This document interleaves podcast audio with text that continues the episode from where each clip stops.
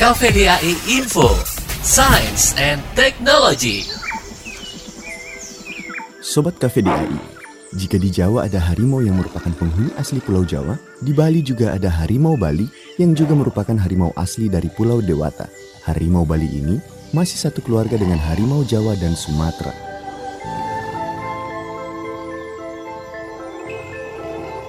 Akan tetapi, kita sudah tidak dapat menemukan keberadaannya setelah hewan ini resmi dinyatakan punah.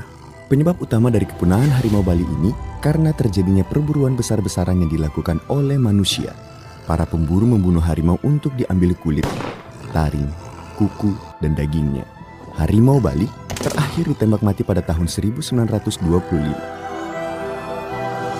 Di tanggal 27 September tahun 1937, harimau Bali sudah resmi dinyatakan punah.